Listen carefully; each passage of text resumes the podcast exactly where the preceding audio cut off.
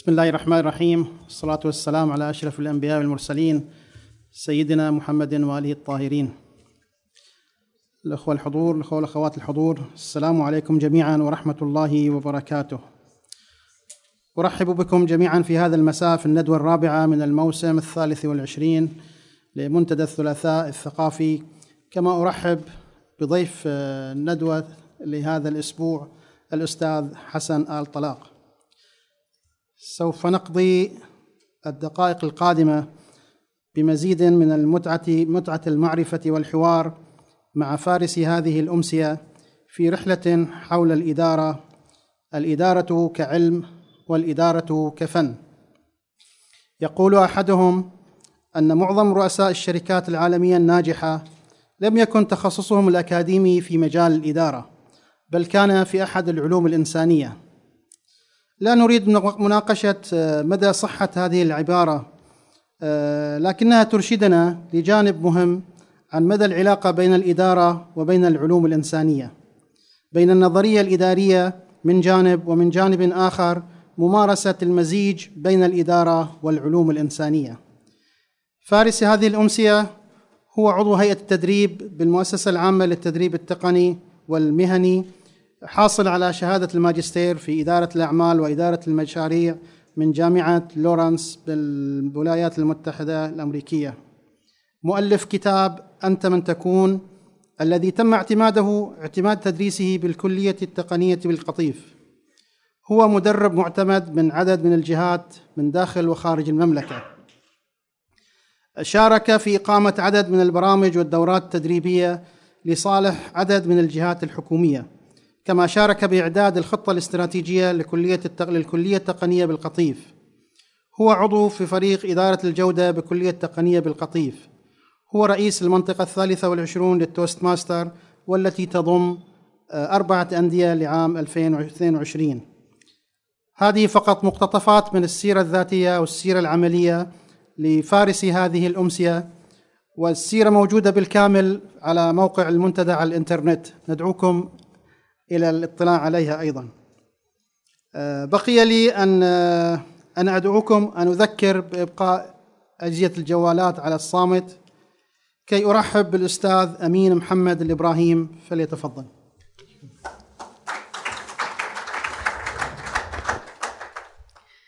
الأخوة والأخوات السلام عليكم ورحمة الله وبركاته ومساء الخير عليكم جميعا. في البداية شكرا لك أستاذ أمين على هذه المقدمة وسعيد جدا بأن أكون مع السمي في نفس اللقاء وفي نفس الطاولة.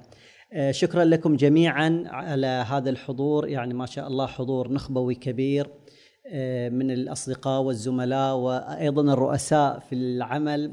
فشكرا لجميع من حضر هذا اللقاء وإن شاء الله تكون هذه الدقائق فيها الفائدة والمنفعة للجميع. بداية دعونا نتساءل وهو السؤال الذي عنون به هذا اللقاء هل الإدارة علم أم فن؟ وهذا عادة ما يكون السؤال الجدلي الذي نحتاج أن نتفكر فيه. فمن يقول بأن الإدارة هي علم سيتجه في مسار العلوم المختلفة وبالذات العلوم الإدارية. ومن يقول بأن الإدارة فن سينصب جهده في الحياة على مسألة الإدارة وعلى فنون الإدارة. طبعا أنا مجهز باوربوينت أنا ما أحتاجه بس عشان الحضور. فالإدارة إذا إذا كانت الإدارة علم فينبغي أن نصب كل جهدنا وكل طاقتنا نحو العلوم الإدارية. من يقول بأن الإدارة هي فن هو يعتمد في ذلك على سيرة الإداريين الناجحين الذين أثروا التاريخ بتجاربهم فلو تأملنا سيرة ستيف جوبز مؤسس أبل معروف هل ستيف جوبز دخل كليات الإدارة ودرس الإدارة؟ إيش رأيكم اخوه واخوات؟ ستيف جوبز دخل جامعة ريد كولج ولكنه لم يكمل دراسته الجامعية في النهاية عندما خرج ستيف جوبز من الجامعة استطاع أن يكون ثروة مقدارها 11 مليار دولار دون أن يدرس كلية الإدارة. وأمثلة ستيف جوبز كثيرة يعني لدي عندي مثلا ريتشارد برانسون مؤسس فيرجن. ريتشارد لم يكمل دراسته الجامعية أيضا واستطاع أن يكون خمسة مليار دولار ثروة وهو لم يدرس في كلية الإدارة. إذا هذا دليل آخر بأننا نستطيع أن نكون الثروات وأن ننجح في مجال الإدارة دون أن ندرس الإدارة. هكذا يدعي أعضاء هذا الفريق الذين يقولون بأن الإدارة هي فن. أيضا لدينا دايف توماس مؤسس إمبراطورية المطاعم السريعة وينديز اللي راح أمريكا أكيد شاف مطاعم وينديز لم يدخل الثانوية يعني من المتوسط مباشرة عمل في أحد المطاعم ومن خلال تجربته في هذه المطاعم استطاع أن ينشئ مطاعم وينديز سلسلة ضخمة من المطاعم حتى استطاع أن يكون ثروة مالية مقدارها 99 مليون دولار. هذا أيضا أحد النماذج الإدارية الذين لم يدرسوا الإدارة. نموذج آخر ولا أطيل مايكل ديل شركة ديل للكمبيوترات والحاسب الآلي شركة معروفة. هو أيضا ترك جامعة تكساس ولم يكمل الدراسة في جامعة تكساس واستطاع أيضا أن يكون آه، ثروة كبيرة تقدر بعشرين مليار دولار. أيضا آه، أحد المشهورات في فنون الطبخ وتدعى راتشيل راي. هذه مؤلفة ودائما ما تطلع في برامج التلفزة في الطبخ لم تدرس الطبخ ولم تدرس الإدارة واستطاعت أن تكون ثروة مالية تقدر بستين مليون دولار. إذا لدينا نماذج كثيرة في الحياة ناجحة في مجال الإدارة ولم تدرس الإدارة بل ولدت وهي تملك ملكة الإدارة. واستطاعت أن تتعرف من خلال التجارب في الحياة على المهارات الأساسية في الإدارة ومن خلالها استطاعت أن تنجح. فلماذا يا أصحاب الجامعات ويا أصحاب العلوم تحاولوا حث الناس على الإدارة بينما الآخرين يستطيعوا النجاح من دون هذه الدراسة؟ هذا رأي الفريق الأول. الفريق الثاني من يقول بأن الدراسة أن الإدارة هي علم وتحتاج أن تدرس وتتعب حتى تستطيع أن تتعلم العلوم الإدارية ماذا يقولون؟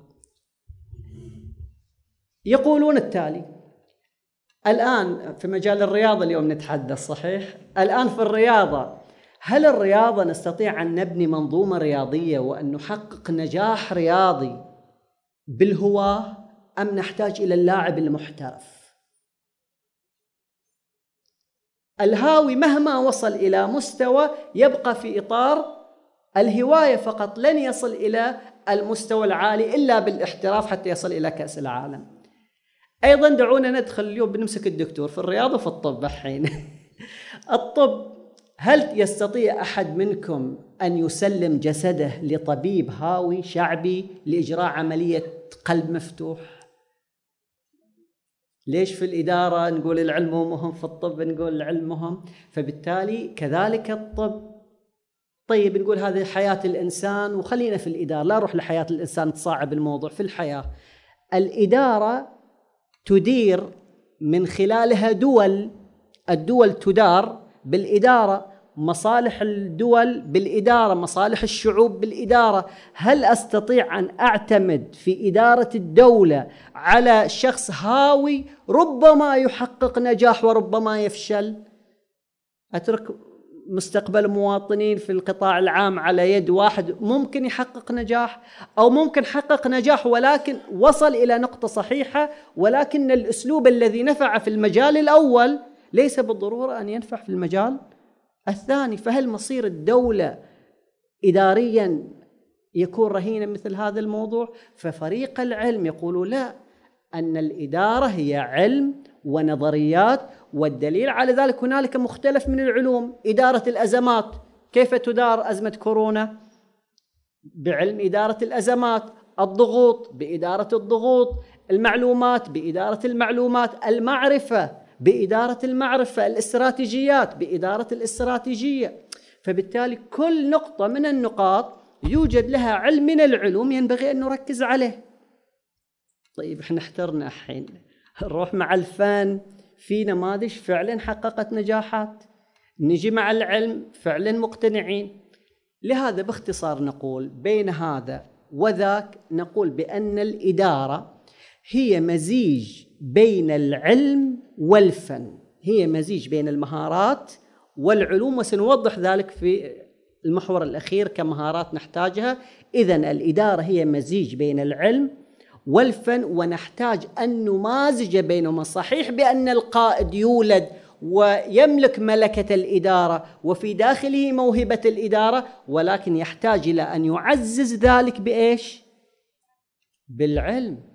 وكذلك من يملك العلم أنا ما أحتاج طالب يتخرج عنده العلم ويفتقر إلى أقل مهارات التواصل والتفاوض والإقناع والعمل الجماعي والتواصل مع الآخرين فنحتاج إذن أن نوازن وأن نمزج بين المهارات التي يحتاجها الإنسان والفن الإداري وإلى مسألة العلم ولا نستغني عن أحدهما. وضحت هذا باختصار يعني كمقدمة بحيث أن نحاول أن نرفع هذا اللبس الموجود فيما يخص هل العلم هل الإدارة علم أم فن؟ نأتي الآن إلى مجالات الإدارة وهو المحور الثاني. سألت كثير من الطلاب الذين يدرسون بعض التخصصات الإدارية بعضهم إدارة أعمال وبعضهم إدارة عامة ما هو الفرق بين إدارة الأعمال والإدارة العامة. سؤال نحتاج أن نتمعن فيه وأن نركز فيه لأن البعض بمجرد أن يرى كلمة إدارة يعني يذهب مباشرة إلى الأموال وإدارة الاستثمارات وإدارة الأعمال بينما يوجد مجالات إدارية متعددة. سأحاول الإيجاز في أربع مجالات إدارية لكي لا نطيل في هذا المقام فالحضور النخبوي تكفيه الإشارات والإضاءات والتفاصيل تكون عليكم بعدين.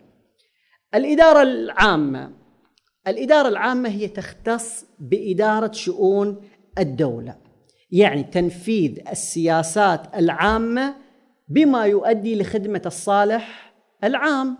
فجميع المؤسسات التعليمية والصحية والاجتماعية والثقافية وربما حتى العسكرية تندرج تحت أي قطاع. قطاع العام أي قطاع يقدم خدمات للمواطنين هو يندرج تحت القطاع العام من القطاع التعليمي والصحي وإلى آخره.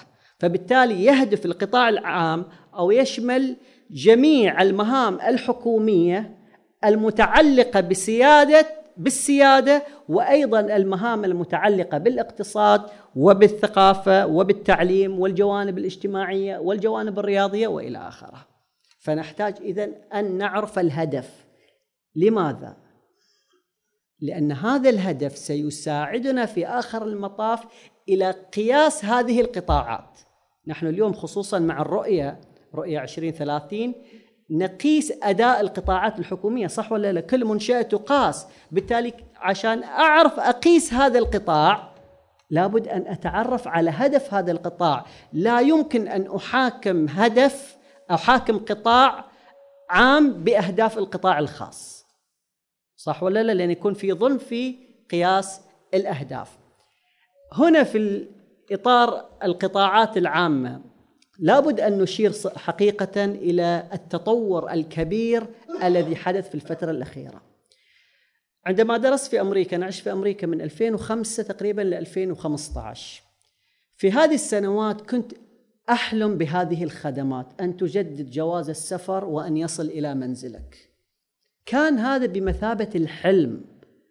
أما اليوم في المملكة تستطيع تبيع عقار وتشتريه، تغير الأسماء، تضيف أبنائك تجدد جوازك رخصة كل الإجراءات الحكومية اليوم باتت أسهل فبالتالي القطاع الحكومي يحتاج إلى أن نحلل مستوى الإنجازات والقفزات التي حصلت لأن هذا من صميم خدمات القطاع الحكومي الذي يوجهه للصالح العام فتقييمي للقطاع ينبغي أن يكون بما يقدمه إلى الصالح العام لا بما يحققه من أرباح لأن هذه مسؤولية القطاع الربحي الذي سننتقل الآن إليه.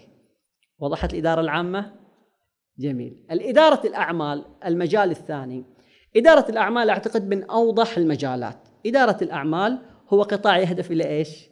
في النهاية يهدف إلى الربح، فهو يدير النشاطات والمشروعات ذات الطابع الاقتصادي بما يضمن تحقيق أرباح للمساهمين والملاك وغيرهم.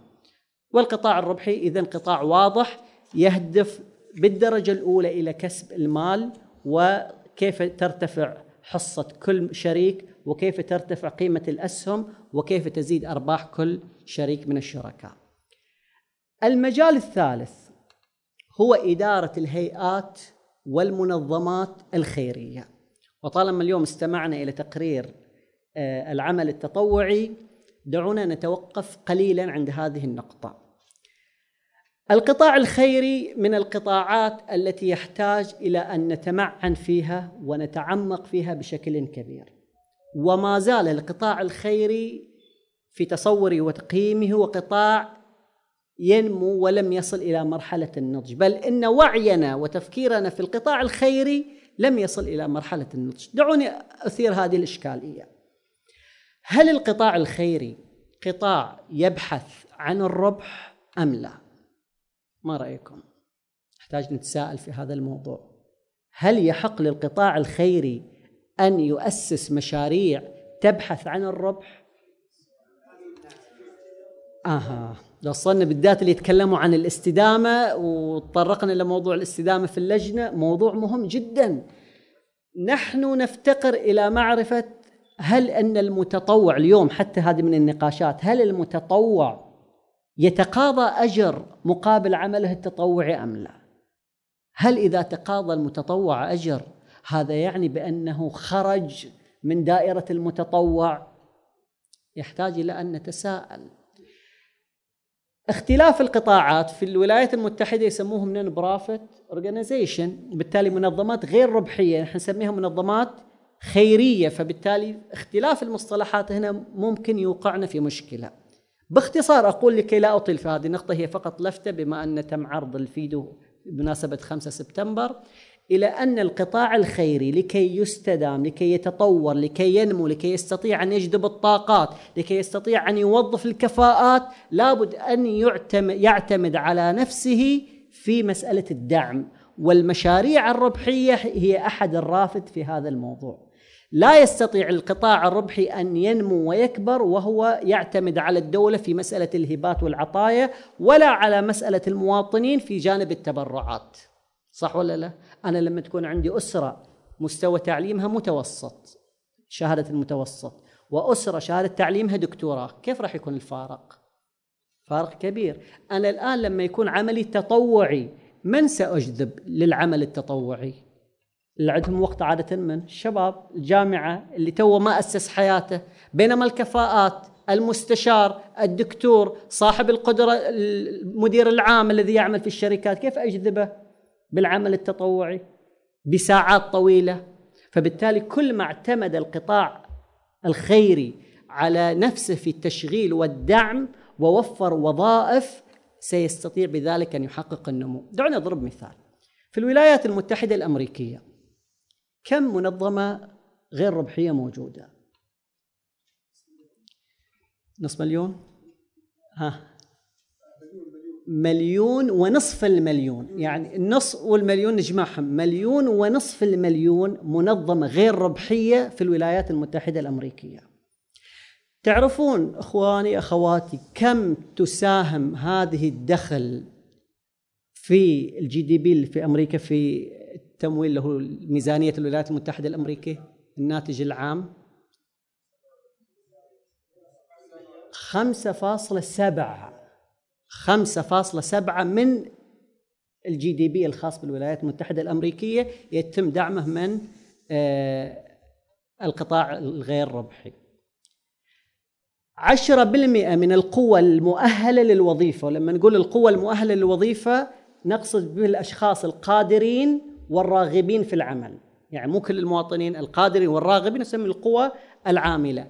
عشرة بالمئة من القوى العاملة في الولايات المتحدة الأمريكية من المواطنين ما أتكلم عن الأجانب يعملون في القطاع غير الربحي. يعني هذا القطاع قطاع يعني يستطيع أن يساهم في نمو البلاد بشكل كبير إذا التفتنا إليه. العمل الخيري قطاع مهم جدا وهو أحد المجالات الرئيسية التي ينبغي أن نلتفت إليها لأن قطاع يساهم في تطوير البلد. فنحتاج في المجال الإداري أن نرفض هذا الجانب بالكفاءات الإدارية لا أن يكون على هامش اهتماماتنا وعلى هامش أوقاتنا في العمل فاذا المجالات الإدارية لدينا مجال الإدارة العامة ومجال إدارة الأعمال ومجال المنظمات والهيئات الخيرية أو غير الربحية. المجال الأخير فقط أشير له إشارة وهي المنظمات الدولية، بعض المنظمات تأخذ من بعض البلدان مقر لها صح ولا لا؟ مثلا منظمة آه، جامعة الدول العربية مقر جامعة الدول العربية مصر ولكن هل هي تتبع مصر؟ فيوجد بعض المنظمات لديها أهداف دولية، أهداف إقليمية ولكنها لا تتبع إلى البلد التي تنشأ فيه، ولكن تأخذ من هذا البلد مقر إليها. السؤال لماذا أشير الآن إلى المجالات الأربعة؟ لكي نعرف بأن الإدارة عندما نتحدث بأنها فن ومهارة أو هي فن وعلم لابد أن أكرس العلم المناسب والمهارة المناسبة في المجال المناسب. المهارات التي أحتاجها في الجانب في القطاع العام تختلف عن المهارات التي أحتاجها لإدارة مثلا جمعية خيرية أو نادي رياضي، بالذات النوادي الرياضية اليوم مع دخولنا في الحوكمة يعني اللي داخل في الجانب الرياضي فمسألة الحوكمة يعني مسألة إدارية مهمة والدولة الآن قاعدة تركز تركيز كبير على أن تكون الإدارات في الأندية إدارات أساسية. لهذا اليوم في مسألة الحوكمة وضعوا معايير خمسة. معظم هذه المعايير ثلاثة على الأقل من الخمسة هي تتكلم عن الجانب الإداري. الجانب الأول الاستراتيجية والقيادة. لابد أن يركزوا في الأندية على مسألة الاستراتيجية والقيادة. المعيار الثاني الإدارة والتشغيل. كفاءة الإدارة كفاءة تشغيل هذه الإدارة لهذه الأندية يكون هنالك معيار. مقابل هذا المعيار الأندية تحصل على دعم كبير. أيضا الالتزام والتحكم والرقابة والرقابة هي أحد وظائف الإدارة أيضا الإدارة المالية المعيار الرابع والمعيار الخامس الأنشطة التسويقية والفعاليات واليوم إحنا نعرف في الجامعات تخصص كامل يسمى إدارة الفعاليات. فالإدارة اليوم أصبحت يعني عصب كبير في الحياة. لا يمكن أن نتغافل عن الإدارة وأهمية الإدارة ولكن نحتاج إلى أن نعرف هذه الإدارة ما هي المهارات التي نحتاجها؟ أين نصب هذه الكفاءة وهذه الطاقة؟ أعطيتني ورقة الظاهر من شوية. عدت. جميل. طيب. ننتقل إلى المحور التالي وهو أهمية ودور التخطيط الاستراتيجي. إحنا الآن تعرفنا على الإدارة هل هي فن أو هي علم وتعرفنا على مجالات الإدارة. ننتقل إلى مسألة التخطيط الاستراتيجي. هل فعلا بأن التخطيط الاستراتيجي هو مهم. إحنا نعرف بأن التخطيط عبارة عن بكل اختصار بدون فلسفة أكاديمية هو تنبؤ بما سيجري في المستقبل. قدرتك أنت كمدير على التنبؤ بما سيجري في المستقبل هذا هو التخطيط، طبعا الاستراتيجية هي كلمة يونانية جاية من الحروب وكذا فبالتالي الاستراتيجية شيء أيضا مستقبلي ضمن التخطيط. فنحتاج اذا أن نعرف هل أنا كإداري أملك القدرة على دراسة المستقبل؟ على التنبؤ بما سيجري في المستقبل؟ هذه مهارة أساسية.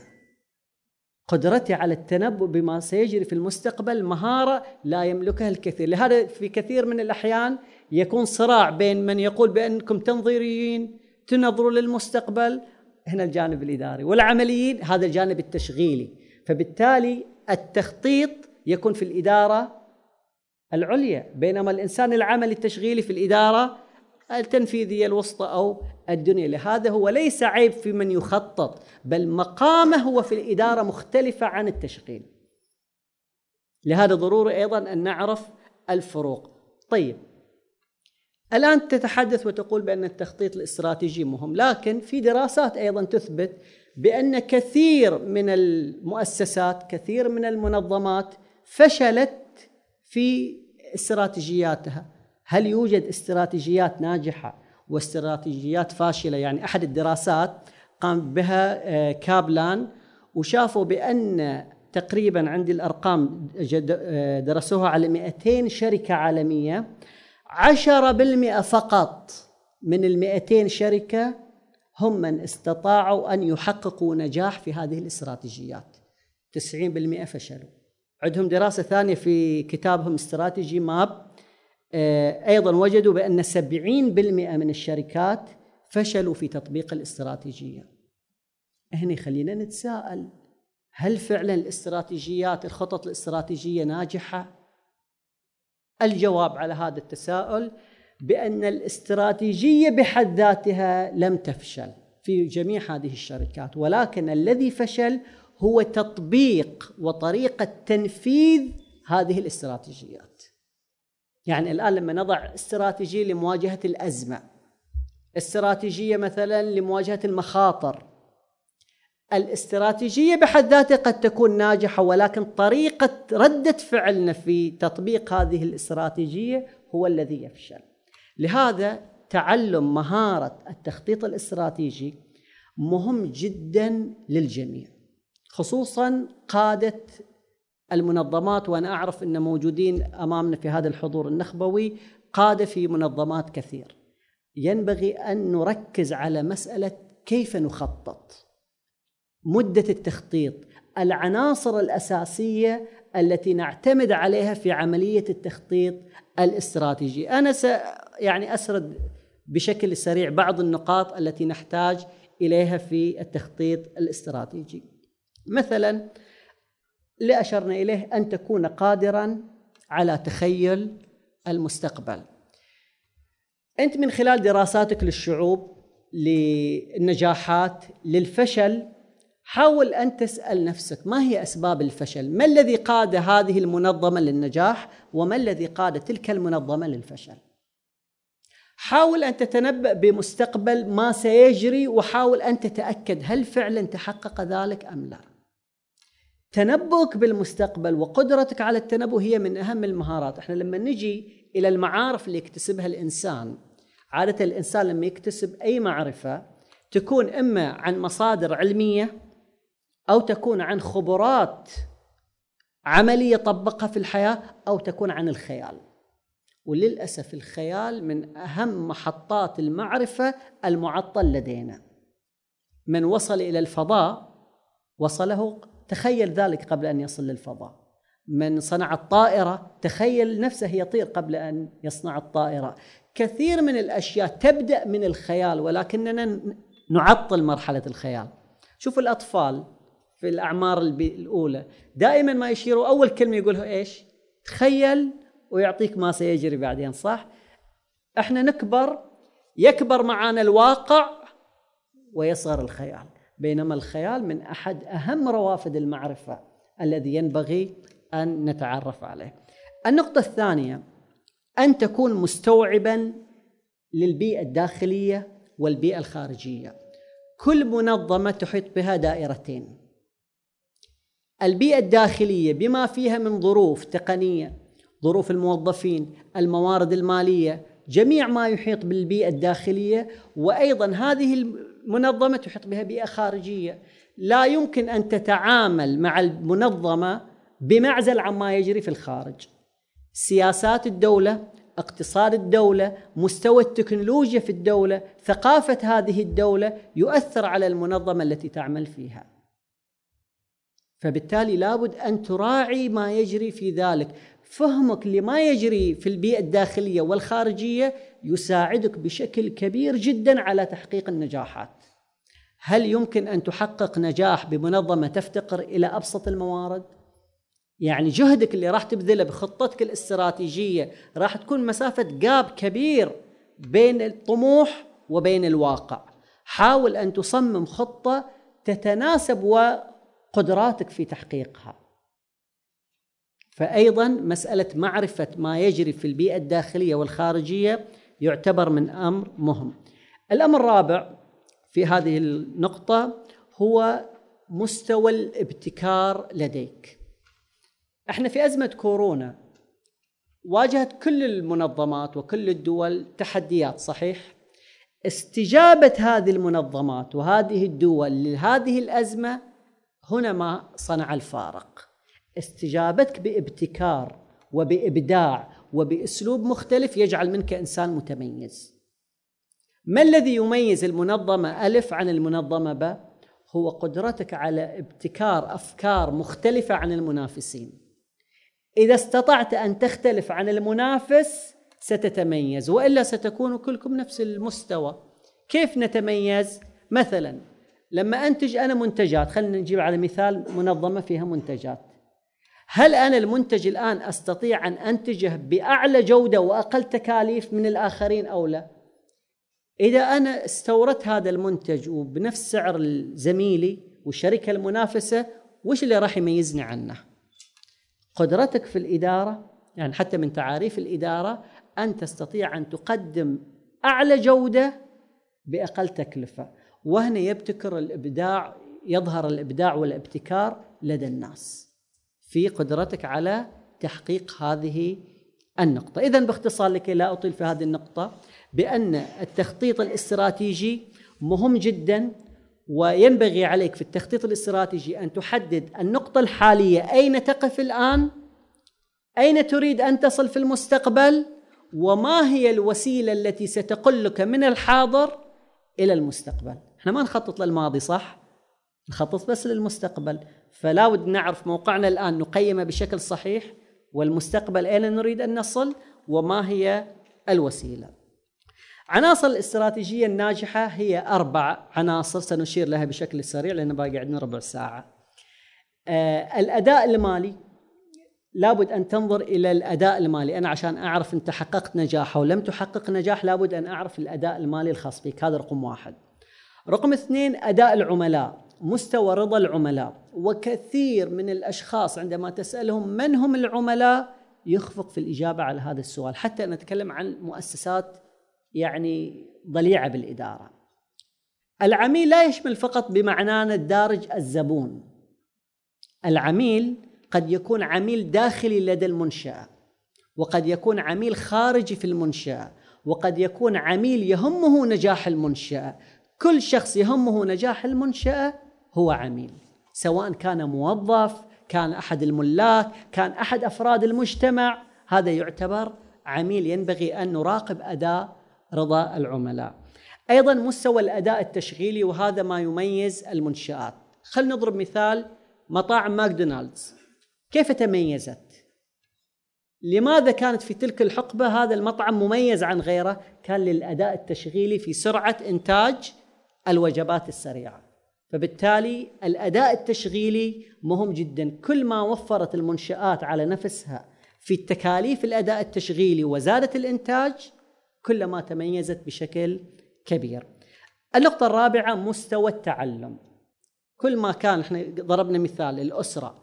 كل ما كانت هذه المنشأة تضم متعلمين خبراء استشاريين كل ما استطاعت أن تنهض أما إذا كانت المنشأة لا تتقدم علميا لا على مستوى التكنولوجيا المستخدمة ولا على مستوى الرقي بالموظفين أسألكم هل سيستمر موظف في منشأة لا تقوم بتطويره وتعليمه؟ فمستوى التطور والتعلم يعتبر من المهام الأساسية. أنا راح أحاول أختصر عشان لا نطيل.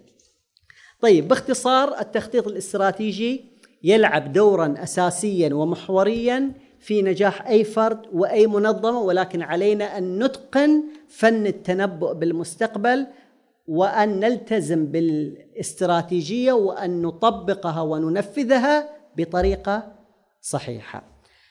المحور الثالث. إن شاء الله ما نطول. المحور الثالث هنالك مقولة شهيرة في علم الإدارة تقول ما لا يمكن قياسه لا يمكن إدارته. أي شيء. لا تقيسه ما تستطيع تديره. ليش؟ لأن أنا ما أعرف وين حجم الخلل.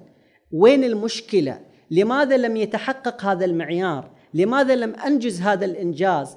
القياس هو الطريقة الصحيحة لمحاولة العلاج. حتى نشوف اليوم اللي يهتموا بالغذاء الصحي يقول لك أول نظم وجباتك الغذائية عشان نعرف بعدين تزيد مستوى السعرات أو تخفض. نفس الشيء في الإدارة. حاول أن تقيس وهنا دور الجودة في الحقيقة. كل ما استطعت أن تقيس مستوى الأداء ومستوى العمل راح يكون عملية تطورية. باختصار كانت الشركات في السابق في العهد القديم لا تقيس إلا مستوى المال. يعني لما يجوا هذه الشركة ناجحة هذه المنظمة ناجحة يقيسوها بناء على إيش؟ فقط على مستوى الأداء المالي ويتركوا بقية الأشياء. ولكن الفضل يعود إلى كابلان وأيضا شريكة في الموضوع آه، في تأليف كتاب آه، كانوا عندهم كتاب سموه استراتيجي ماب استطاعوا من خلاله أن يحددوا أدوات القياس الجديدة وعملوا طفرة كبيرة. فأضافوا مقاييس جديدة باستثناء المال أضافوا رضا الموظفين. هل الموظف والعميل راضي عن أداء المنشأة؟ إذا الموظف مو راضي وقابل عملاء هل العملاء راح ينعكس شيء إيجابي؟ هو أساسا الموظف مو راضي. كيف يستطيع أن يقنع العميل؟ كيف يستطيع أن يواجه الآخرين ويقنعهم؟ فتحتاج إلى رضا الموظف اول خليه يقتنع فيك كمنشأة بأدائك أنت كمنظمة عشان أن تستطيع أن تنقل. أيضا أضافوا معدل النمو نمو المنشآت. إحنا اليوم نشوف إذا تمشوا في الشوارع القطيف تشوف العربية. رقم واحد الريادة والأكثر انتشارا صح؟ مسألة الانتشار. الانتشار والنمو نموك أنت كمنظمة مهم لأن هذا يحقق استقرار للموظفين. أما إذا الموظف يشوفك كل يوم قاعد تتقلص كل يوم قاعد تخسر كل يوم قاعد تصغر وش راح يصير؟ راح يفقد الثقة فيك. فمسألة النمو مهمة جدا في مختلف الجوانب الإدارية. وأخيرا ولاء العملاء والفرص المستقبلية. كل ما كانت شريحة عملائك أكبر شريحة الاجتماعية عندك كبيرة كل ما كان يعطيك استقرار كبير جدا. اذا هنالك أربع أسئلة ينبغي أن نشير إليها في مسألة القياس لكي نستطيع أن نحقق عملية إدارية متوازنة. السؤال الأول كيف ينظر إلينا الملاك؟ ملاك المنشأة المساهمين في المنشأة كيف ينظروا إلينا؟ طبعا إحنا لما نطبقها على المؤسسات الحكومية فنرجع الملاك وين؟ نفس الشيء في الدولة الآن في الرؤية هي التي تملك المنشآت الحكومية. أيضا مثل القطاع الخاص ملاكهم الأشخاص اللي يملكوه. فكيف ينظر إلينا الملاك كمنشأة؟ هل هم راضين عن أدائنا أو مستائين؟ السؤال الثاني كيف يرانا العملاء؟ وقد أشرنا إلى من هم العملاء؟ هل العملاء الموظفين وأيضا العملاء راضين عنا؟ السؤال الثالث كيف ننفذ أعمالنا؟ الجانب التشغيلي وما الذي نستطيع أن نبدع فيه مع المنافسين؟ يعني الجمعيات الخيرية اليوم تتنافس مثلا. كيف تستطيع الجمعية ألف أن تبدع وتتميز عن الجمعية باء؟ ما الذي يميز النادي الرياضي ألف عن النادي الرياضي باء؟ مسألة التميز وإضافة البصمة المختلفة عن الآخرين تعتبر محور أساسي. لأن إحنا ما نبغى تشابه لو الآن كل الناس متشابهين ما في أحد متميز كيف تصير الصورة لون واحد فبالتالي نحتاج إلى التميز. أخيرا هل نستطيع الابتكار والإبداع؟ إحنا نشوف المؤسسات من تمشي عشر سنوات عشرين سنة بعدين ما تلمس فيها رائحة الإبداع، رائحة الاختلاف، تبقى على نفس النمط ما تتغير. طيب متى راح تحدث قفزة؟ متى تتغير؟ الإبداع والابتكار وين؟ إحنا الإبداع والابتكار ما يكون فقط كشعار نرفع، هذا فيما يخص يعني الاستراتيجيات وإلا الاستراتيجيات كثيرة. بعض الشركات تنظر تعطي أولوية إلى الربح بعض الشركات تعطي أولوية إلى الاستحواذ بعض الشركات تعطي أولوية إلى تكسير الخصوم وإبعادهم عن السوق بعضهم تعطي أولوية لإضافة قيمة مضافة للعميل. يوجد العديد من الاستراتيجيات ولكن أستاذ أمين يطلع في ساعه ونحاول نختم بشكل سريع. اذا المحور الأخير هو موقعية المهارات والإدارات الأساسية، إحنا قلنا أنا الآن إذا الإدارة كانت علم والإدارة فن أحتاج بعض المهارات اللي أركز فيها، ما هي أهم المهارات التي ينبغي على كل إداري أن يتحلى بها؟ هذه مهارات مهمة جدا ونحاول نركز فيها شوية. راح أقسمها إلى قسمين. اولا المعارف الرئيسية. لمن يؤمن بأن الإدارة علم هنالك مجموعة من المعارف ينبغي أن نركز عليها. سأشير إلى ثلاثة حفاظا على الوقت. أولا نوع النشاط. لابد أن تتعرف على النشاط الذي تقوم به. هل هو نشاط ثقافي مثل مثل المنتدى الآن؟ يقدم نشاط. ثقافي. هل هو نشاط تجاري؟ هل هو نشاط تعليمي؟ نشاط خدمي؟ استيراد وتصدير تجارة؟ ما هو النشاط الذي تقوم به؟ عليك أن تتعلم هذا النشاط وتتعمق به كثيرا لكي تبدع. إذا أنت مو عارف أن هذا النشاط صحي وهذا النشاط تعليمي وهذا صناعي كيف تبدع؟ فتحتاج أن تتعلم نوع النشاط. الأمر الآخر الوظيفة. كثير منا حتى لما أسأل بعض الأصدقاء والطلاب عن ما هو الفرق بين العمل والوظيفة إنسان يقول رايح العمل يقول رايح الوظيفة. وش الفرق بين العمل وبين الوظيفة؟ العمل هو مجموعة من الوظائف. أي مؤسسة الآن إحنا في الكلية لدينا عمادة القبول والتسجيل عندنا مثلا المدربين يقوم بتدريب الطلاب عندنا مثلا العميد والوظائف الإدارية وظائف مختلفة. أما الوظيفة فهي مجموعة من المهام التي تقوم بها. فبالتالي استيعابك لهذه المهام يعتبر أمر مهم جدا لأنك إذا أنت مو عارف أن هذه مهامك كيف راح تأديها؟ صح ولا لا؟ فمهم جدا أن نركز على هذا الجانب. الأمر الأخير العمل الإداري. العمل الإداري أقصد فيه مسألة التخطيط. مسألة اتخاذ القرارات. عادة الإنسان يعرف ثقافته وفكره ورقيه متى؟ وقت الغضب. الإنسان يخرج أفضل ما فيه متى؟ وقت الغضب. كذلك الإداري الناجح. متى تعرف بأن هذا إنسان إداري محنك؟ في قراراته اللي يتخذها. فالعمل الإداري قاعد يهيئني لمعرفة كيف أخطط كيف أتخذ القرارات؟ متى أتخذ القرارات؟ لابد أن أتعرف على هذه المهارات. مهارة اتخاذ القرار من أهم المهارات التي ينبغي عليها. هذا فيما يخص المعارف الأساسية وهي نوع النشاط الوظيفة والعمل الإداري. يبقى لدي في الأخير المهارات الأساسية وهي تنقسم أيضا إلى ثلاث نقاط. مهارات إنسانية لابد أن تتعرف كثير من الطلاب يتخرجوا من الجامعة لا يعرف كيف يعمل العمل الجماعي. صح؟ تحطه في مجموعة ما يعرف يعمل عمل جماعي. إيه، تعطيه مهارات تواصل مع الآخرين. تعال تفاوض تعال حاور تعال البرزنتيشن تعال اقنع. تواصل مع الآخرين ضعيف. فالمهارات الإنسانية ينبغي علينا أن ننميها بشكل كبير. لا يوجد إداري ناجح لا يملك المهارات الإنسانية. صحيح أن البعض يولد بهذه المهارات جزء منها ولكن نستطيع أن ننميها مهارة التفاوض، مهارة الإقناع، مهارة الحوار، مهارة التواصل مع الآخرين من أهم المهارات التي ينبغي أن نشير إليها. أيضا لدينا المهارات الإدراكية مستوى إدراك ووعي الإنسان أيضا مهم لأن هذا الوعي هو الذي ينعكس على السلوك وعلى تصرفات الإنسان. وأخيرا المهارات الفنية وهي المهارات المتعلقة بالجانب الوظيفي الذي ينبغي أن نشير إليه. إن شاء الله ما طولت عليكم وإن شاء الله يكون هذا اختصار موجز للإدارة. اذا الإدارة هي علم وفن في آن واحد.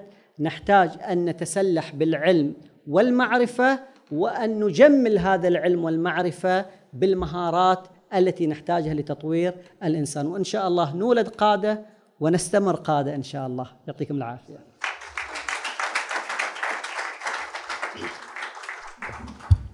شكرا للأستاذ أمين الابراهيم على ما اتحفنا به في هذه المحاضرة الرائعة التي طوف بنا على جميع القطاعات الإدارية ونحن نحمد أنفسنا بأن بيننا آه، بعض من قادة العمل التطوعي موجودين بيننا الآن كما بيننا أيضا بعض آه، رجال الأعمال موجودين ولعلك عن قصد يعني توليت هذا الشكل أود أن أرحب مرة أخرى بعضو مجلس الشورى الأستاذ المهندس آه، نبيه الابراهيم فاهلا وسهلا به بيننا. سوف نبدأ بتلقي الأسئلة كالمعتاد بثلاث أسئلة تباعا ونجاوب عليها بعد ذلك ثم في الجولة الأخرى. آه، وأود أن أبتدئ بهذه الأسئلة. أستاذ. آه، بما أنك أستاذ مادة إدارة الجودة الشاملة آه، أستاذ أمين فما الفرق في كون الخطة الاستراتيجية مكتوبة وبين أن تكون مفهومة؟ آه، ربما يتذرع البعض أن إحنا يكتفي بأن تكون الخطة مفهومة لدى الجميع. لماذا الإصرار على أن تكون مكتوبة؟ ف أجيب على هذا السؤال باختصار في نقطتين. النقطة الأولى بأن كثير من المؤسسات الحكومية والربحية مسجلة فيها الخطة الرؤية والرسالة والأهداف موجودة صحيح؟ اسألوا زملائكم ما هي رؤية المنشأة؟ وأعطوني نسبة الإجابة. ستكون إجابة ضعيفة جدا جدا وهذه مكتوبة. مو بعد نعتمد على الفهم هذه نقطة. النقطة الثانية أشرنا إلى الموضوع بأن مشكلتنا ليس في كتابة الاستراتيجية. بل في التطبيق والتنفيذ. إذا لم تكن مكتوبة فسيجتهد كل شخص في المنشأ بتنفيذها بما يفهمه هو وستضيع الورقة التي مكتوب فيها. فنحتاج إلى إثباتها للرجوع لها كمصدر نتفق جميعا عليه. نبدأ بتلقي الأسئلة. آه نبدأ من نبدأ من الدكتور تفضل. الاسم الكريم الله يخليك. نبيل الخنيزي. آه، معذرة كان الحديث عن الاستراتيجية استراتيجيك بلان فبالتالي تفضلت بأنه آه، تنبؤ. زين التنبؤ طبعا هو الاستشراف بمعنى آخر. اذا هنا الجانب الفني أو التلنت الموهبة. القائد يجب أن يكون ملهم درجة أولى وأطوره بالعلوم العلوم الإدارية المختلفة. لكن إذا كان إداري بحت وليس قائد ففي هنالك فرق يعني كما هو معلوم اذا الإداري يعتمد على العلوم بينما ال leader أو القائد يعتمد على ال talent في البداية ويكملها بالعلوم. الآن النقطة قد تكون مداخلة أكثر منها سؤال هي ال ال يعني الاستراتيجية قد تعطى بالاستشراف وقد تعطى بالأدوات أخرى مثل نظرية سوات. السترينث الويكنس الاوبورتونيتي الثريتن يعني لما أنا أحط خطة مستقبلية يجب أن تدرس وأضع لها المخاطر في البرنامج نقاط الضعف نقاط القوة آه، الفرص المتاحة المستقبلية. طبعا هذه وحل المشكلات قد تضاف على الفكرة بحيث أن الاستراتيجية لا تفشل. بمعنى كل عقبة يجب أن أضع لها حل أضع لها تطوير ولما أصل إلى هدف أضع هدف آخر بحيث أن الاستراتيجية لا تضيع مع الوقت. يمكن هذه يعني فكرة نقطة أولى.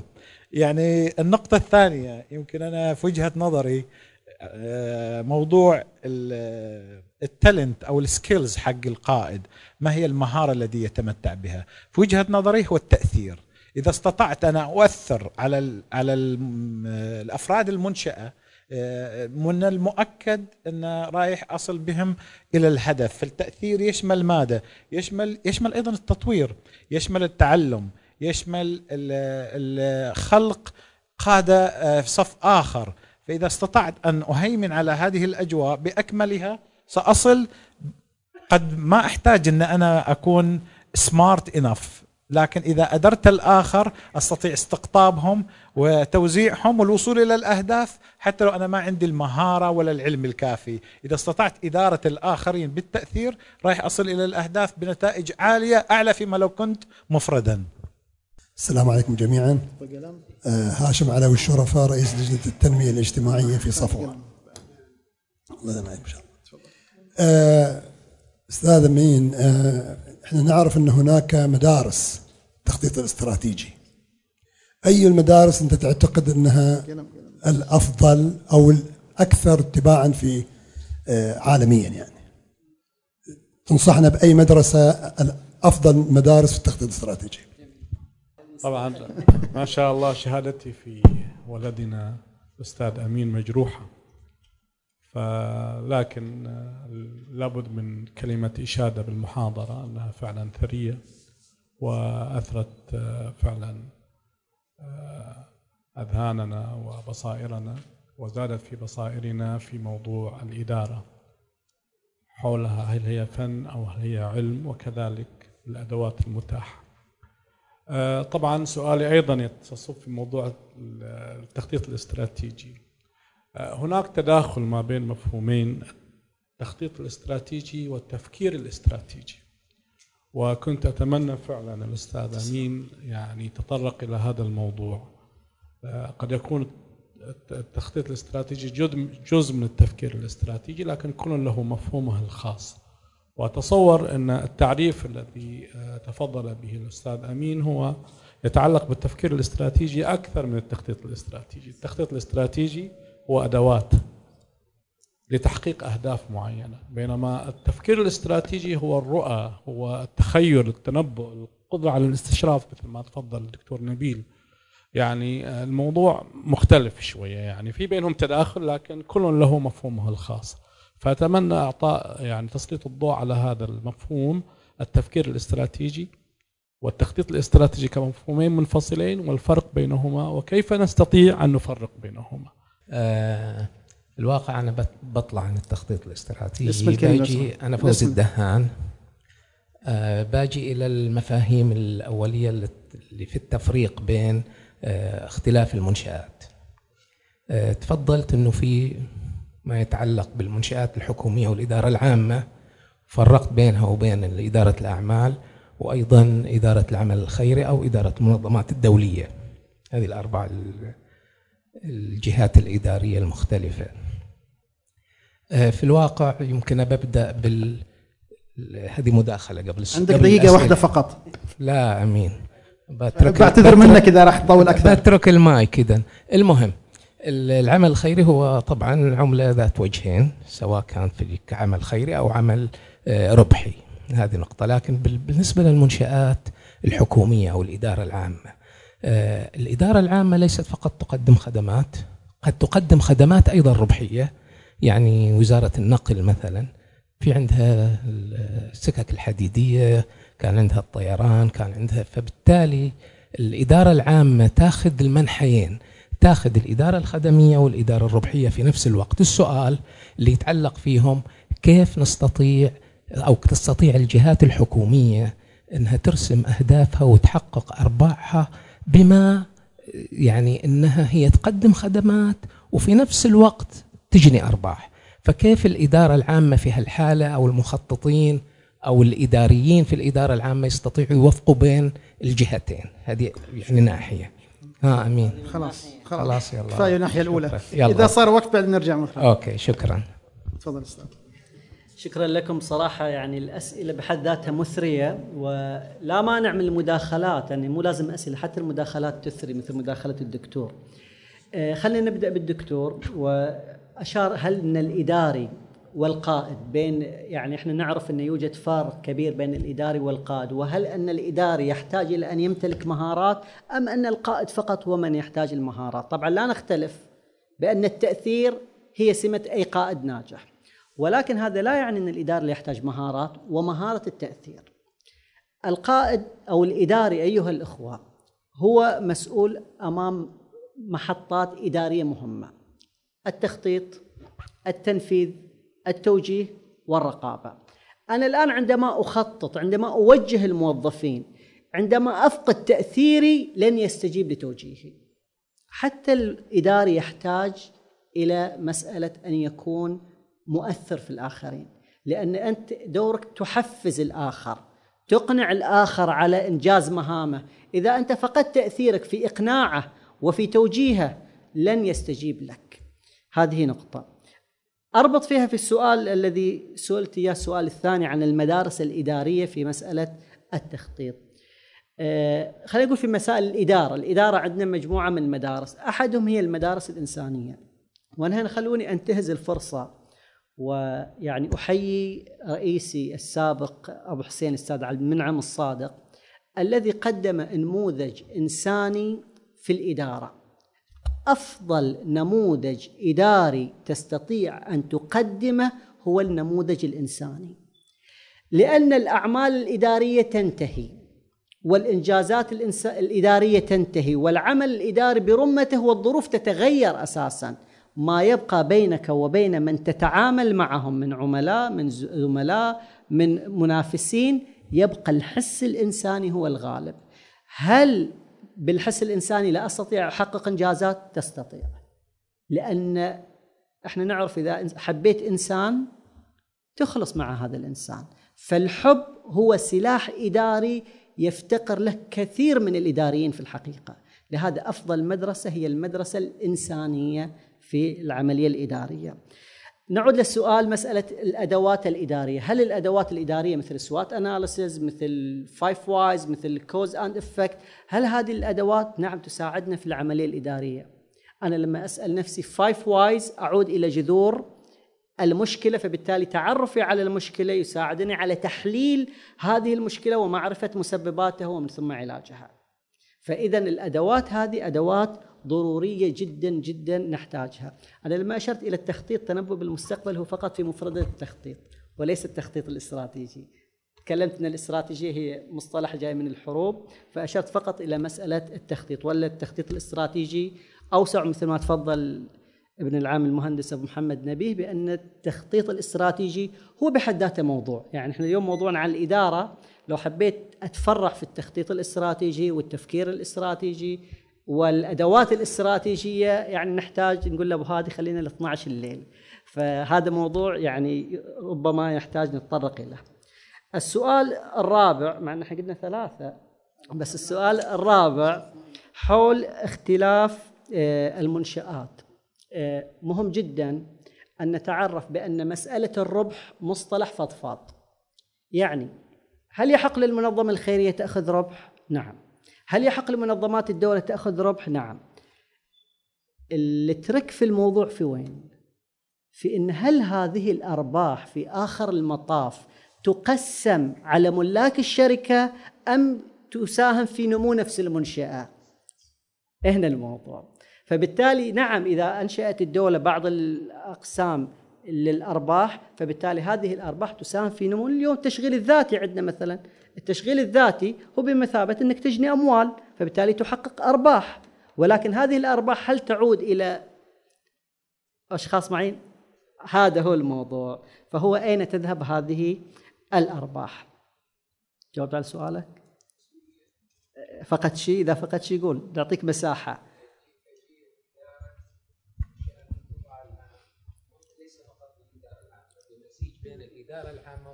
جميل أحسنت. هذا يتحقق بالأهداف. أنا عندما أضع الخطة الخطة في النهاية الهدف العام هو تقديم خدمات للمواطنين. طريقة الوصول إلى هذا الهدف قد أستخدم فيه استراتيجيات مختلفة. ولكن الاستراتيجيات المختلفة والطرق المختلفة لابد أن توصلين في نهاية المطاف إلى الهدف الأساسي. هذا هو باختصار. ربما تعليق بسيط فقط ربما بسؤال الأستاذ آه، فوزي. آه، إذا طرحنا بشكل مختلف هل انعدمت الفوارق بين الإدارة العامة وإدارة الأعمال في الجولة الثانية؟ كم؟ جاوب تفضل ناخذ الجولة الثانية من الأسئلة إذا فيك. أنا شفت هنا. نبغى القطاع الربحي هنا موجودين. آه، غير الربحي عفوا. تفضل. الاسم الكريم الله يخليك. السلام عليكم. عبد الستار الشيخ. وأنا أشيد بالمحاضرة. آه، محاضر جيد ممتاز بمعنى كلمة. واهداف واضحه دائما يعني. السؤال عن إدارة المخاطر. بمعنى آخر أن مؤسسة دولة آه، رابطة أشياء سياسية تصير بوكات يعني قصدي مقاطعة مع دولة أخرى معتمد عليها أنت آه، كورونا أمراض كثيرة. هل هذه اللي هي المخاطر توجد في الاستراتيجية أم في الأهداف يعني تحت في الأعمال والوظائف أم في الاستراتيجية؟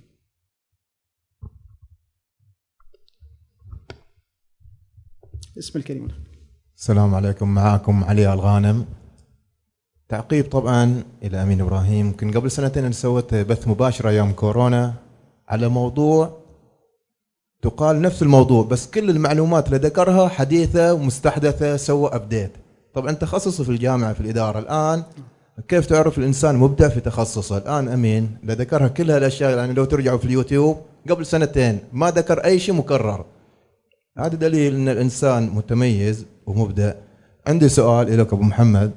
الآن في هناك كتب مثلا في مكتبة عبيكان أو جرير مثلا الملهمون أو المبدعون بلا تعليم. يذكر لك شخصيات عديدة إنهم مو متعلمين. أنت لما شرحت في المقدمة العلم الإدارة علم أو فن ذكرت المزيج ولاحظت عليك إن تميل لأنه هو علم. وأنا أميل يعني على إنه تخصص الجامعي لازم أميل إنه علم. طبعا كثير من الجيل الجديد ولا التجار أنا بصير تاجر بدون ما أتعلم. أو بالذات مثلا للتو مقبل على الحياة نبغى نصيحة منك إليه. أبغى اصير إداري ناجح أو تاجر ناجح أو رجل أعمال ناجح بدون علم هو هو يروح للكتب لمذكورة مبدعون غير متعلمون. فهذا سؤالي الله يعطيك العافية وشكرا أبو محمد. شكرا. السلام عليكم علي الأمير.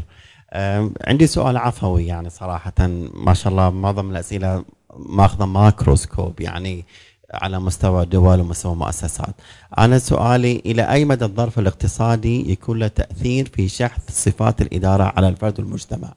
يعني لو نقارن آبائنا الجيل الثالث عاشوا في ظروف جدا اقتصادية جدا يعني صعبة لكن معظمهم آه، بدأوا من ال sub آه، zero يعني من ال minus ونجحوا في إنشاء مؤسسات وتكونت آه، شركات. لكن لما يجي الجيل الثالث يرث هالشركات إلى حد ما تقول الإحصائيات إنها تفشل هذه. فإيش الميزة انه في الظرف الاقتصادي الصعب يخلي الشخص يكون آه، يعني ولا الفرد ولا المجتمع يكون ناجح؟ وإيش الحل إذا إحنا الآن نعيش في بحبوحة اقتصادية إلى حد ما ونقدر نشحذ صفاتنا ولانفسنا ولأبنائنا ان نكون إداريين واقتصاديين جيدين؟ شكرا. شكرا لكم ما شاء الله. يعني أسئلة من العيار الثقيل. فخلونا نبدأ من سؤال أستاذ أمين. هل انعدمت الفوارق بين القطاعين العام والقطاع الخاص؟ آه، الفوارق في العمل وفي التطبيق وفي التنفيذ هي متقاربة ولكن في الأهداف هي مختلفة. يعني نفس نرجع نفس الإجابة. بأن هدف هذا القطاع أنا لما أقول هدف القطاع العام توفير خدمات للمواطنين مهما أنا استخدمت من وسيلة مختلفة أو متشابهة مع القطاع الأعمال يبقى الهدف مختلف أساسا. يعني اثنين رايحين الرياض ولكن كل واحد بهدف مختلف واستخدمنا نفس الوسيلة ونفس الطائرة. فبالتالي الهدف هو من يحدد فقط هذا الخلاف آه، بخصوص إدارة آه، المخاطر آه، هل هي بين الأهداف الاستراتيجية أم بين الأهداف. في الحقيقة إدارة المخاطر خطة استراتيجية مستقلة ما شوف عندنا بلان A وبلان B. إدارة المخاطر من وإدارة الأزمات من أهم الأشياء التي يغفل عنها الكثير ويدفع ثمنها الكثير. ولو كنت أتكلم هذا الكلام قبل أكثر من سنتين ممكن يكون كلام إنشائي ونظري. ولكن اليوم بعد أزمة كورونا أصبحت إدارة الأزمات وإدارة المخاطر من أهم النقاط التي ينبغي أن تولى اهتمام. قرارات خاطئة من كثير من الشركات بتسريح موظفين، بتقليل إنتاج، بتغيير استراتيجياتهم في العمل بسبب سوء إدارة الأزمة. فبالتالي آه، إدارة المخاطر تحتاج لا تكون في الأهداف تكون خطة استراتيجية من ضمن الخطة الاستراتيجية هذا كجواب بشكل سريع آه، الشخصيات غير المتعلمين أنا كأكاديمي بطبيعة الحال سأميل إلى الجانب العلمي ولكن أيضا في ممارساتي للحياة وانضمامي أندية التوستماسترز وصقل الشخصية أؤمن بأن الإنسان يستطيع أن يصقل مهاراته. أنا أؤمن بأن الإدارة فن ولكن لا أكتفي بمن يقول بأن الإداري يولد ولا يصنع. بل الإداري يصنع. سواء من الجانب العلمي أم بالجانب المهاري. قد يحتاج أمين وقت طويل لصقل مهاراته وقد يحتاج علي وقت قصير ولكن في النهاية أنا قادر على تعلم المهارات الله سبحانه وتعالى أودع في كل إنسان فينا قدرات خارقة ولكن نحن من لا يستخدم هذه القدرات. فالإنسان يستطيع أن يتعلم المهارات ويستطيع أن يتعلم العلوم مهما كانت قدراته. سيكون السباق في الزمن. هذا يأخذ المهارات وقت قصير وهذا في وقت أطول. أما في مسألة الشخصيات وهذه لفتة مهمة جدا أرجو أن ينتبه لها الأخوة والأخوات. كثير من الشركات كثير من الناجحين دائما ما يعرضوا لنا تجارب النجاح. ولا نرى لتجارب الفشل دور في الكتب في اليوتيوب في المقاطع. نرى فقط البداية والنهاية مثل اللي يدخل سوق الأسهم. كم شريت السهم؟ قال شريته ب 60 ووصل 200 طيب ليش ما تحكي لي قصة لما كان وصل ب 20 وانت ودوك المستشفى؟ صح ولا لا؟ دائما إحنا نشوف قصص النجاح قصص النجاح الحلقة الأولى والحلقة الأخيرة. ولكن المعاناة والخوف والقلق هذا ما نشوفه في قصص النجاح. لهذا من ندخل في أول معاناة في مشوار النجاح؟ نتراجع. فمهم جدا أن نلاحظ بأن الشخصيات التي نجحت يعني ما هي أحسن منا ولا عاشت ظروف استثنائية إحنا ما عشناها. كلنا عشنا نفس الظروف ولكن من ملك الصبر والإصرار والإرادة والعزيمة والتحدي واستمر واستدام؟ نرجع للاستدامة. الاستدامة هي الحل. فهذا الموضوع في الشخصيات مهم جدا الا يعني يكون عندنا إغراء في نجاحاتهم. فشل الشركات العالية. سؤالك مو عفوي سؤالك جميل. يعني انجي للسؤال جدا. يعني الظروف الاقتصادية وأثرها في صقل الشخصية مهم. إحنا اليوم نشوف إن الظروف الاقتصادية ما أثرت على الأفراد أثرت على المنظمات.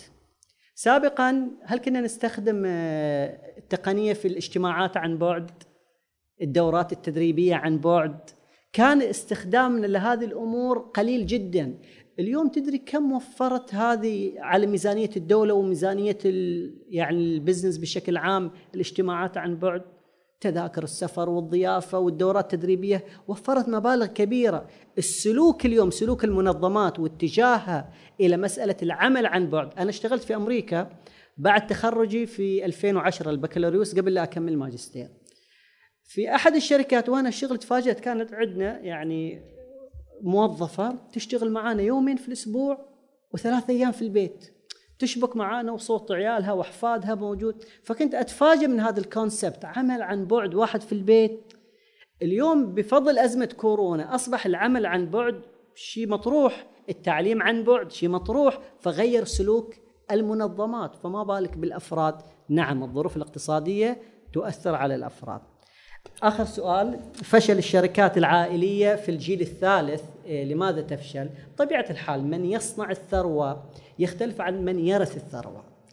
جهدك وتعبك في صنع شوف حتى المعلومة شوف الكتاب اليوم يعني الاستاذ غدير مؤلفه كتاب فبالتالي شعورها بأن هذا الكتاب كابن كشيء ثمين قيمة كبيرة يختلف عن الآخرين لأن من يبذل الجهد في هذا الشيء يختلف عن من يرثه وهو مرتاح فبالتالي لا أستغرب هذا الفشل. الحل هو في الإدراك أن نغرس الوعي وأن يحس هذا الجيل بأن هذه الثروة لم تتكون بشكل بسيط وأن يعاني فيها لا أن يأخذها بالساهل. أوكي. سوف نأخذ الجولة الأخيرة من الأسئلة وبعدها نستقبل. تفضل. هنا إذا ما في. نبغى من السيدات إذا في. أو. تفضل. تفضل. ما في أحد رفع صوته. ما في أحد. اشر تفضل أحمد المبارك. آه، طبعا الإدارة آه، أبسط تعريف للإدارة هو تحقيق الأعمال أو إنجاز الأعمال من خلال الآخرين. ثم أن آه، بالنسبة للإدارة هناك فشل وهناك كفاءة وهناك فعالية. فالفشل عدم تحقيق الأهداف والكفاءة تحقيق الأهداف بأي شكل من الأشكال. أما الفعالية فتحقيق الأهداف بأقل تكلفة وأقل جهد وأقل مال. النقطة الأخيرة حتى ما أطيل. طبعا تحدث المحاضر وأنا في الواقع أثني على المحاضر وثراء معلوماته تحدث عن أشكال الإدارة فهناك القطاع العام والخاص والربحي. لكن أيضا هناك قولة لا أظن أنها تخفى على المحاضر لواحد من أكابر علماء الأمريكان في الإدارة. يقول ليس ليس هناك دول متخلفة ودول متقدمة. إنما هناك آه، دول لديها إدارة متخلفة فتخلفت ودول لديها إدارة متقدمة فتقدمت. لماذا؟ لأن الدول مجموعة من المنظمات الإدارية سواء قطاع عام أو أو أو خاص أو تطوعية. آه، مساكم الله بالخير. آه، سعيد الحمدان مستشار تدريب. الحمد لله الأسبوع هذا أخذتها بس.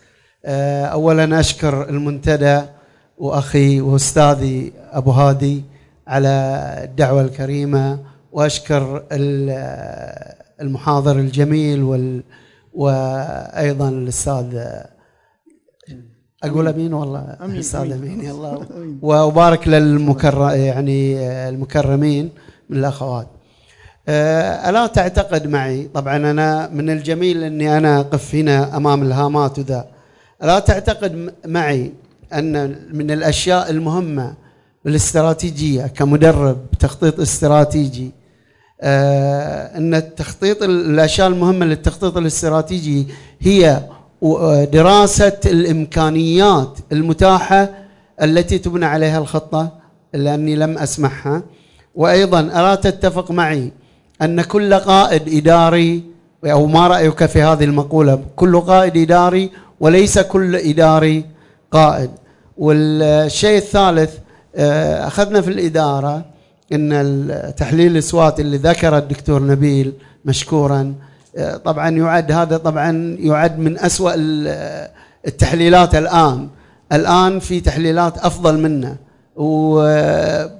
وأثبت ضعفه فأنا ما أبغى أدخل في التفاصيل وإذا نتناقش سوا بعدين. شكرا, شكرا لكم. شكرا, شكرا للمحاضر معكم. عيسى العيد الله يسلمك. آه، أستاذ أمين مررت بالعميل مرور الكرام. اعتبرته هو العميل في الداخل والخارج. لكن العميل هو الشخص الذي يهمك رضاه في لمصلحة المنظمة ولتحقيق هدف بين الطرفين أو بتعبير آخر هو آه، أي شخص يهمك التعامل معه. وهناك بنود كثيرة لو تتحدث عنها شوية في في العميل بتفصيل حتى نستفيد. شكرا لك. إي بس لك مو كثيرة نتكلم عن كثيرة.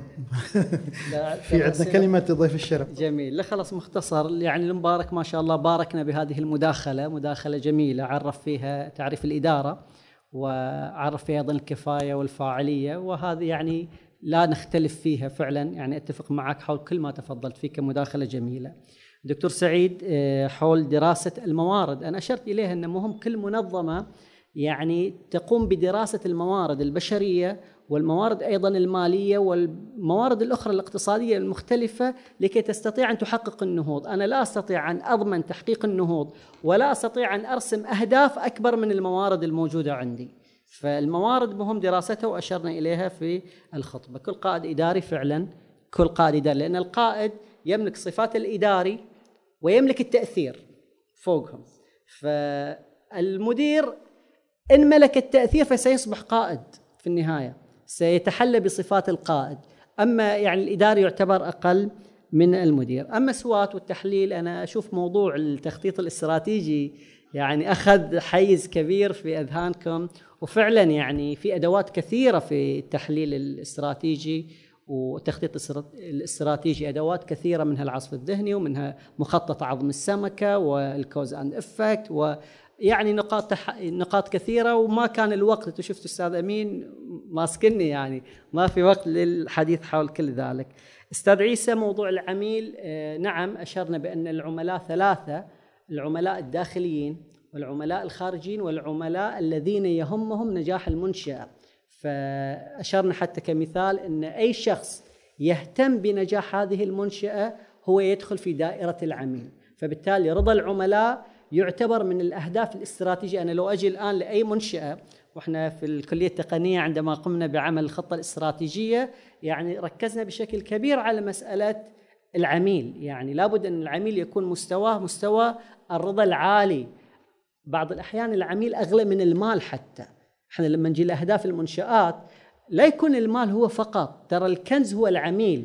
إحنا نشوف في كورونا العملاء الآن أصبحوا عندهم ولاء من العميل من الشركات اللي استغلتهم في كورونا ومن الشركات اللي وقفت معاهم في الحروب. تشوف مثلا تصير الدول الشعوب أي منظمة استغلت الحرب بعد ما تهدى الأمور تكون هذه إكس عليها بينما اللي دعمت المجتمع دعمت استقرار المجتمع يكون فيها رضا. فنعم العملاء أصناف وموضوع أيضا العملاء يعني يدخل في جنبة التسويق وأيضا ندخل فيه بحر كبير. يعطيك العافية. شكرا لك أستاذ أمين على هذه الإجابات الوافية وعلى هذه المحاضرة القيمة. أه، أود أن أنوه بداية بالترحيب بالأستاذ محمد العبلان من جدة. أهلا وسهلا بك بيننا هذه الليلة وهذا المساء. أه، كما أود أن أنوه بعنوان الندوة القادمة الأسبوع القادم وهي المجتمع وثقافة السياحة. آه، بقي لدينا فقرتان. الفقرة الأولى توقيع كتاب الأستاذة آه، غدير جواد مدونات موجود هنا لمن يريد الاقتناء. والفقرة الأخيرة كما تعلمون الصورة الجماعية. وأود أن أشكركم جميعا وأشكر الأستاذ أمين الإبراهيم والشكر للجميع. والسلام عليكم ورحمة الله وبركاته. وإذا ممكن كلمة للأستاذ محمد بهذا اللقاء. شكرا لكم. والسلام عليكم ورحمة الله وبركاته. ونأخذ صورة جماعية شكله في سحب أو شيء مجهز لنا أبو هادي.